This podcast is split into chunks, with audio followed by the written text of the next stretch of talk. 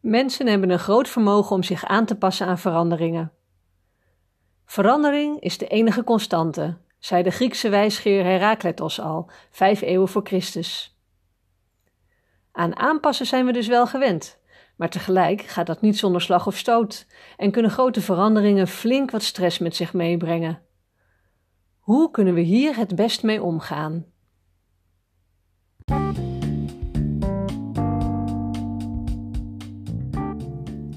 Ik ben Judith Hogeweg, GZ-psycholoog bij Villa Uitzicht Stress Experts.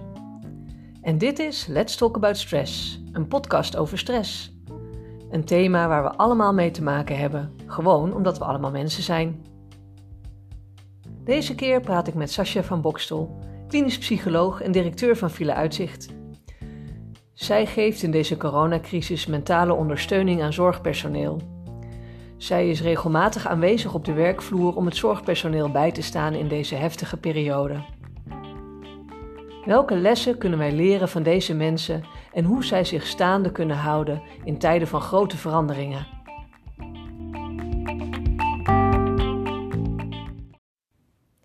Hallo Sascha, welkom. Je hebt natuurlijk een hoop gezien en meegemaakt in de verzorgingshuizen waar je bent geweest.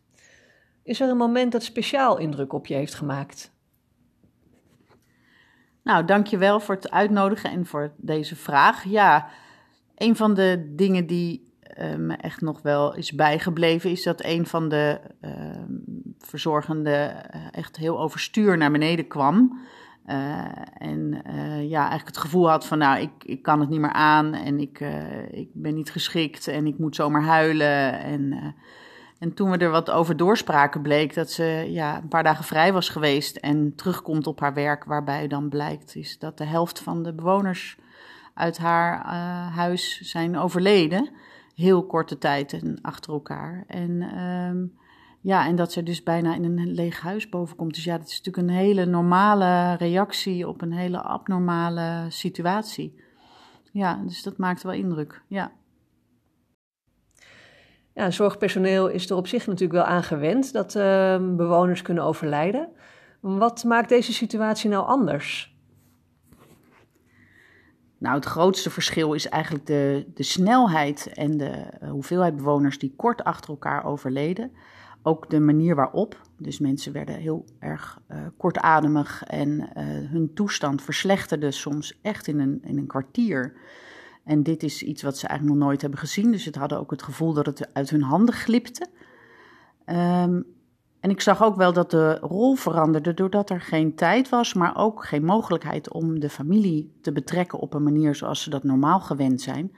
Dus ze kregen daarbij ook een hele uh, ja, intieme rol soms uh, op zich, waarbij ze uh, de telefoon bijvoorbeeld moesten vasthouden en nog de, de de laatste afscheidswoorden van een dochter aan haar moeder moesten vertellen aan de moeder. En omgekeerd weer wat de moeder daarop antwoordde. Dus een hele nabije uh, rol, waardoor ze ja, heel erg betrokken raakte ook op de, de afscheiden die uh, nu zo plaatsvonden. En dat maakte ook wel veel, uh, ja, dat het veel meer indruk maakte dan normaal gesproken. Ja, het klinkt alsof het, ja, ook de manier van afscheid nemen heel anders um, ja, was dan in normale omstandigheden. Nou, dat klopt. Normaal hebben mensen uh, in verzorgingshuizen hebben ze eigenlijk hele mooie rituelen. Uh, zoals in bewoners er overlijdt, dan uh, maken ze bijvoorbeeld een erehaag en doen ze iemand uitgeleiden en hebben ze allemaal een roos bijvoorbeeld die ze op de kist leggen. En ja, dat kon nu allemaal niet, dat mocht niet. En uh, dus ze zagen ook bewoners waar ze echt al heel lang voor gezorgd hadden, ineens in een uh, ja, hermetisch afgesloten zak uh, met personeel wat hun, op, hun bewoner ophaalde, helemaal in pak. Dus het zag er heel kil en, en, en steriel uit. En dat maakte ook dat men zelf ook het gevoel had geen goed afscheid te hebben kunnen nemen van de mensen die allemaal overleden. En dat maakte het ook extra zwaar. Ja, er is dus heel veel veranderd in de manier van uh, afscheid nemen. Um, wat heb je gehoord, gemerkt over wat er verder is veranderd um, op de werkvloer? Nou, een belangrijk onderdeel wat echt veranderd is, is de, in de dagelijkse omgang met bewoners is het fysieke contact. En voor de essentiële dingen is dat nog natuurlijk heel uh, noodzakelijk, als douchen of uit bed halen. Maar voor het sociale aspect zie ik dat de onbevangenheid eigenlijk veranderd is. Um, mensen troosten of even een hand vasthouden. Of bewoners die vergeten zijn dat er anderhalve meter moet zijn, dat die uh, op je afkomen lopen en uh, je willen omhelzen. Ik merk dat, uh, de, ja, dat personeel daar eigenlijk ja, heel andere gevoelens bij gekregen heeft. Bang is om besmet te raken of zelf te besmetten. Of ja, toch ook voelen dat ja, moet eigenlijk uh, moet dit nu niet. Maar ja, uh, kan toch moeilijk die mevrouw uh, niet even vasthouden op dit moeilijke moment. Dus je ziet dat zo'n heel essentieel onderdeel van hun werk, dat dat nu ineens beladen is geraakt. En dat geeft ook veel, ja, geeft spanning. Ja, voorstelbaar dat het lastig is. Um, inmiddels neemt het aantal besmettingen en uitbraken in verpleeghuizen ook weer toe. Um, kan je iets zeggen over wat er nu anders is dan tijdens de eerste golf? Nou, een positieve verandering is dat er veel meer beschermingsmateriaal is. Dus er wordt met mondkapjes gewerkt en bij een uitbraak is de mogelijkheid om helemaal in een pak uh, te verzorgen. Tegelijkertijd zie ik ook dat dat ook uh, weer een kanttekeningen met zich meebrengt. Want uh, uh, het is ook heel vermoeiend om in deze verpakkingen te werken of pakken. En ik zie ook dat het de afstand met bewoners vergroot. Dus mensen worden niet, verzorgenden worden niet herkend of kunnen moeilijk worden verstaan. dus daarmee komt er ook weer wat meer afstand. En wat ik ook zie is dat er vermoeidheid optreedt. Um, er is maar een hele korte tijd van ontspanning geweest in de zomermaanden. En uh, ik zie dat personeel gewoon echt vermoeid is om nu weer uh, de schouders eronder te zetten. Ook omdat ze heel veel extra diensten hebben moeten draaien, omdat collega's zelf zijn ziek geworden en langere tijd zijn uitgevallen. Dus de, de rek raakt er wat uit. En um, ik zie ook dat dat soms leidt tot kortere lontjes, meer prikkelbaarheid, meer ja, onderlinge geschilletjes. En dat hoeft op zich uh, niet kwalijk te zijn, maar het is wel belangrijk om daar alert op te zijn. Ja, want ik kan me voorstellen dat je elkaar juist in deze zware tijden heel erg hard nodig hebt. Dat klopt. Een van de dingen die uh, natuurlijk ook in de eerste golf uh, als heel helpend werden ervaren, is de onderlinge steun en de enorme solidariteit die men met elkaar heeft gevoeld. Die voel ik nu opnieuw maar uh, door de vermoeidheid merk ik dat het wel minder makkelijk is om op te brengen. Dus het is vooral heel belangrijk om uh, er wat verdraagzaamheid uh, in op te brengen. die prikkelbaarheid zelf is eigenlijk niet zo erg. Maar wat wel belangrijk is, is om teams bij elkaar te roepen op het moment dat er weer wat ruimte is. En vooral ook met elkaar uit te wisselen hierover. Te praten wat voor misverstanden er waren, te praten over onderlinge geschilletjes die er geweest zijn en echt het contact weer te herstellen. En dat is wel belangrijk om de komende tijd uh, echt aandacht voor te hebben met elkaar.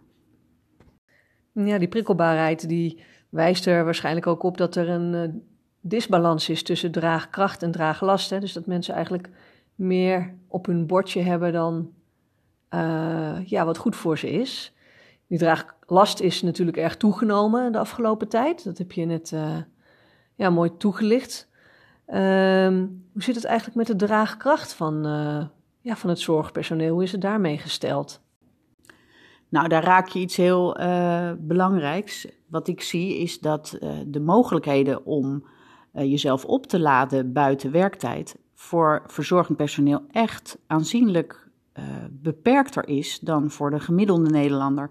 Ik merk dat er veel meer verantwoordelijkheidsgevoel is om um, geen besmettingen mee de huizen in te halen. Dus ze zijn heel oplettend buiten werktijd of ze geen dingen doen waarbij ze mogelijk besmet raken en bewoners kunnen besmetten. Maar ook omgekeerd zie ik dat er angst is om besmettingen vanuit het huis mee te nemen naar het privéleven en gezinsleden of vrienden of andere familieleden te besmetten. En dat maakt het aantal mogelijkheden om op te laden echt aanzienlijk beperkter dan, dan voor de gemiddelde Nederlander. Ja. Uh, Sascha, heb je misschien ook um, ja, een paar tips voor mensen, voor zorgpersoneel in deze huidige lastige periode? Jazeker, ik merk dat veel zorgpersoneel uh, ook op hun vrije dagen toch nog uh, in contact blijft met het werk. En mijn tip zou zijn: probeer dat echt tot een minimum te beperken. Dus haal de piepjes van je groepsapp weg, zodat je niet elke keer verleid wordt om te kijken. En probeer je aandacht echt even op andere dingen te richten dan op de dingen van het werk. Um, plan in je vrije dagen ook weer activiteiten waarvan je altijd weet dat je daar energie van krijgt. Ehm, de vrije dagen moeten niet alleen zijn dat je niet werkt, maar het moeten ook echt momenten zijn waarop je kunt opladen. Eh, de natuur in is toch een van de mogelijkheden die ook altijd fijn is en die energie geeft. Maar kijk ook naar je eigen hobby's die je ooit gehad hebt, of dingen waar je al een tijd niet aan toegekomen bent en die je altijd leuk vindt. Plan die weer. En tenslotte, ja, praat er toch zoveel mogelijk over met anderen. Want ik merk dat mensen die in de zorg gaan, zijn altijd erg gericht op het verzorgen van anderen. En staan altijd voor anderen klaar, maar vinden het best moeilijk om aandacht te vragen voor hun eigen situatie. En uh, dat is toch heel belangrijk om te doen. En ga er dan niet van uit dat de ander zich echt kan inleven hoe jouw situatie is. Dat merk ik ook zelf.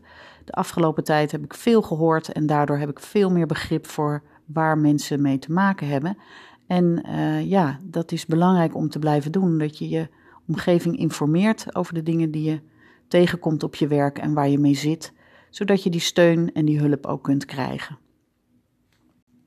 Nou, dat lijkt me hele waardevolle tips. Uh, we zijn alweer aan het eind gekomen uh, van deze podcast. Um, ik wil je heel hartelijk bedanken, Sascha, voor ja, je inzichten en uh, de informatie uh, die je ons hebt gegeven. Nou, graag gedaan.